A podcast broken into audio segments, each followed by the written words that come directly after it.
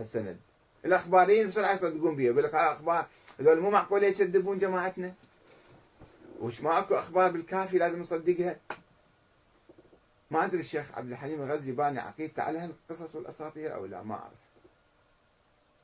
أرجو أن يعيد النظر. يعني هو رجل الشيخ عبد الحليم الغزي رجل شوية عنده عقل ومؤمن يبدو عليه مؤمن. الظاهر ماله من كلامه يعني مبين. ورجل عالم وباحث بس شوي خليه يفكر. ما أدري ليش موقف التفكير ماله ما يفكر. فكر بهاي القصص. عم منين؟ شلون نصدقها؟ لا تقول لي لا تقلد ال... ال... يقول لا, ناخذ علم الرجال إحنا. طيب ما أنت قاعد تصدق بذولا؟ بعلم الرجال. اللي رووا ذولا الناس كانوا صادقين فأنت تقول ذولا صادقين. إذا شوية اجتهد. ما يجوز لك تقلد في علم الرجال. إذا قالوا لك واحد زين تصدق به واحد مو زين مصدق به ما يصير. الآن يشيعون إشاعات عني. ما شاء الله. حتى يحطموني أو حتى يشوفون سمعتي وكذا هل يمكن واحد يصدق بسرعة؟ أو لازم يحقق؟ أو يشيعون فلان عالم ما شاء الله هذا عمره 10 سنين صار مجتهد. هذا عمره 12 سنة صار مجتهد.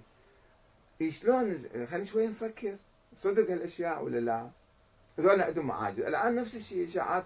أكو ناس عقليتهم مهيئة لتقبل الخرافات والأساطير. بسرعة يصدقون وبسرعة يسوي لك صلوات أيضا الخطيب له على المنبر حكاها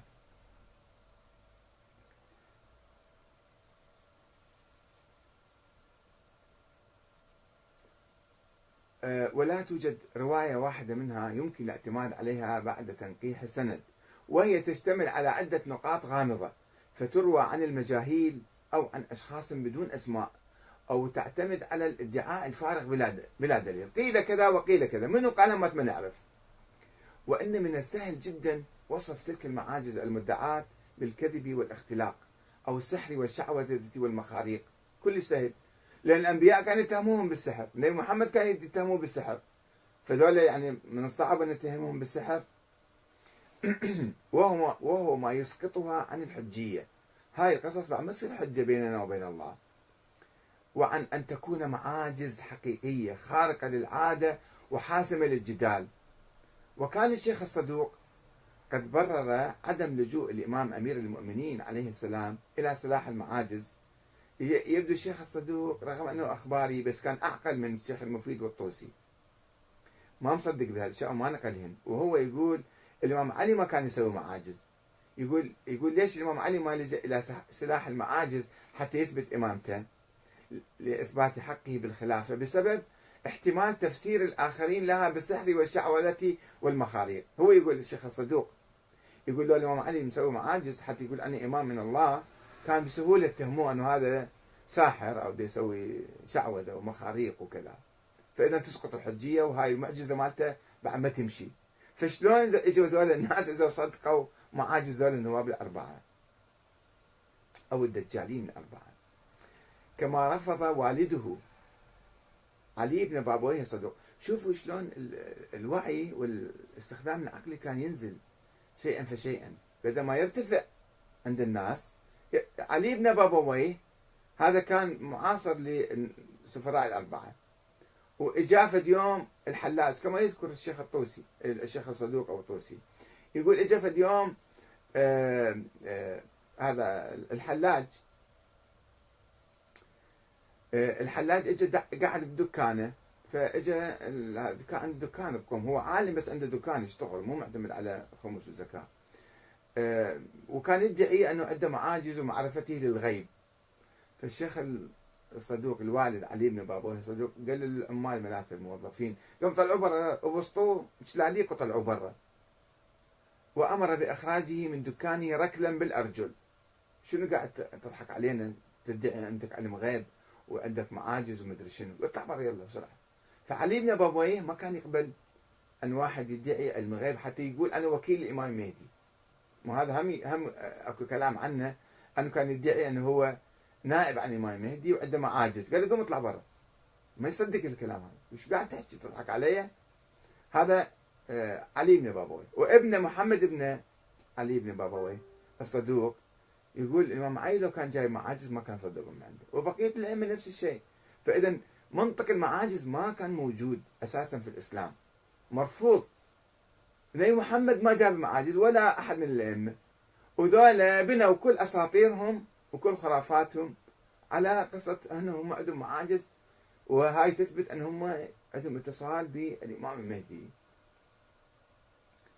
أن المعاجز الغيبية هاي يدعوها متعارضة مع القرآن الكريم الذي ينفي علم الغيب عن أي بشر ويقول عالم الغيب فلا يظهر على غيبه أحدا إلا من ارتضى من الرسول. يخبر بعض الأشياء. ويقول قل لا يعلم من في السماوات والأرض الغيب إلا الله. ويقول وما تدري نفس ماذا تكسب غدا وما تدري نفس بأي أرض تموت. السيد محمد باقر الصدر لما يجي يبحث النواب الأربعة وأدلة وجود الإمام المهدي ما يشير إلى مسألة المعاجز هاي كلها. يبدو رافضها يعني. في بحثه حول المهدي صفحة 36 آه، آه، لم يشر إلى مسألة معاجز النواب الأربعة كدليل على صحة نيابتهم وادعائهم في وجود الإمام محمد بن حسن العسكري. طيب شلون صدقت بهم يا سيد محمد باقر الصدر؟ شلون تقول ذولا مو معقول يكذبون؟ شلون أنا بس من النقطة هذه. شلون مرت على سيد محمد باقر الصدر رحمة الله عليه؟ وهذا الرجل العبقري فيلسوف مفكر كاتب مجتهد أستاذ المجتهدين. شلون مرت عليه هاي القصة وصدق بيهم؟ لأنه يبدو ما باحث بدقة ما مجتهد فيها يعني. ومجتهد في قضايا كثيرة. هذا الموضوع ما مجتهد مو مجتهد. ألدى علم الأولين والآخرين. وإجوا ناس آخرين أيضا مش مشوا بدون قال أصلا يمنعون الاجتهاد الآن. الآن في علماء في النجف. إذا تقول له اجتهد في الموضوع يقول لك لا لا في حدود حمراء. خطوط حمراء لا تقترب من عدم ما يجوز الاجتهاد في هذه الأمور. ليش يابا لماذا لا يجوز أن نجتهد في هذا الأمر؟ نجتهد في صدق هؤلاء النواب أو كذبهم أو دجلهم. نعرف حقيقتهم. يعطونا عقيدة مخدرة. ألف سنة مخدرتنا ونحن نايمين.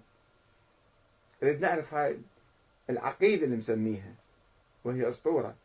أنه هذه العقيدة حقيقية ولا لها وجود لها صحة ولا هم مختلقيها سرا أربعة خمسة متآمرين تآمروا على الشيعة والتشيع عبر التاريخ إلى اليوم ومررين هاي الأسطورة. نعرف ذولا هم ذولا اللي باب هاي الأسطورة مو باب المهدي ذولا أبواب الأساطير. نريد نعرف ذولا كلامهم صحيح ولا لا؟ يجوز لنا نجتهد أو لا يجوز الاجتهاد أنتم الآن قاعد تسمعوني. روحوا ابحثوا حققوا. لا تأخذون كلامي. ابحثوا قولوا إحنا من حقنا أن نفكر من حقنا أن نبحث أن نجتهد ان والعقائد لا يجوز فيها التقليد إنما يجب على كل إنسان أن يجتهد فيها.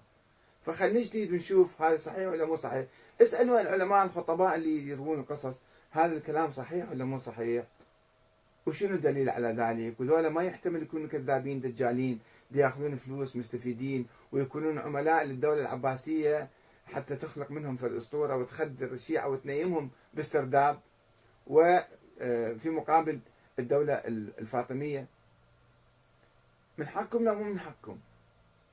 شوي فكروا اسألوا ناقشوا أخذوا حريتكم. الله يأمركم بذلك. يأمركم بالتفكير أفلا يتفكرون أفلا يتدبرون أفلا يعقلون. علينا أن نعيد قراءة تراثنا وتاريخنا ونقوم بثورة فكرية وهذا منتظر من الحوزة العلمية إن شاء الله. الحوزة العلمية الحقيقية اللي هي موجودة في بعض الشباب الآن. موجودة هناك شيوخ وعلماء بدأوا التفكير وبدأوا التفكير بجرأة أيضا لكي يطرحوا ويعيدوا قراءة هذا التراث اللي نايم علينا صار له ألف سنة.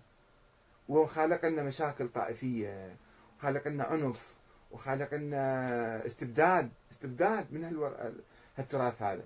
يجيك واحد يقول لك أنا نائب الإمام المهدي أنا وكيل الإمام المهدي أنا أشوف الإمام المهدي دائما ألتقي به بالمسجد مسجد السهلة ولا مسجد جمكران ولا مسجد ما أدري منه فاذا أنا يسوون الآن الآن الآن الآن في ناس يسوون قصص وإشاعات وأساطير حول بعض العلماء والزعماء أنه هذا يلتقي بفلان هذا يلتقي بفلان. طيب وبعدين صار عنده حالة مقدسة. وبالتالي لازم نخضع له ولازم نطيعه. فيصير استبداد باسم الدين باسم الإمام المهدي ديكتاتورية باسم الإمام المهدي وطائفية وعنف وربما حتى اقتتال داخلي. لكي نوحد مجتمعنا ونتحرر من الخرافات والأساطير ونتحد علينا أن نعيد قراءة هذا التراث. والسلام عليكم ورحمة الله وبركاته.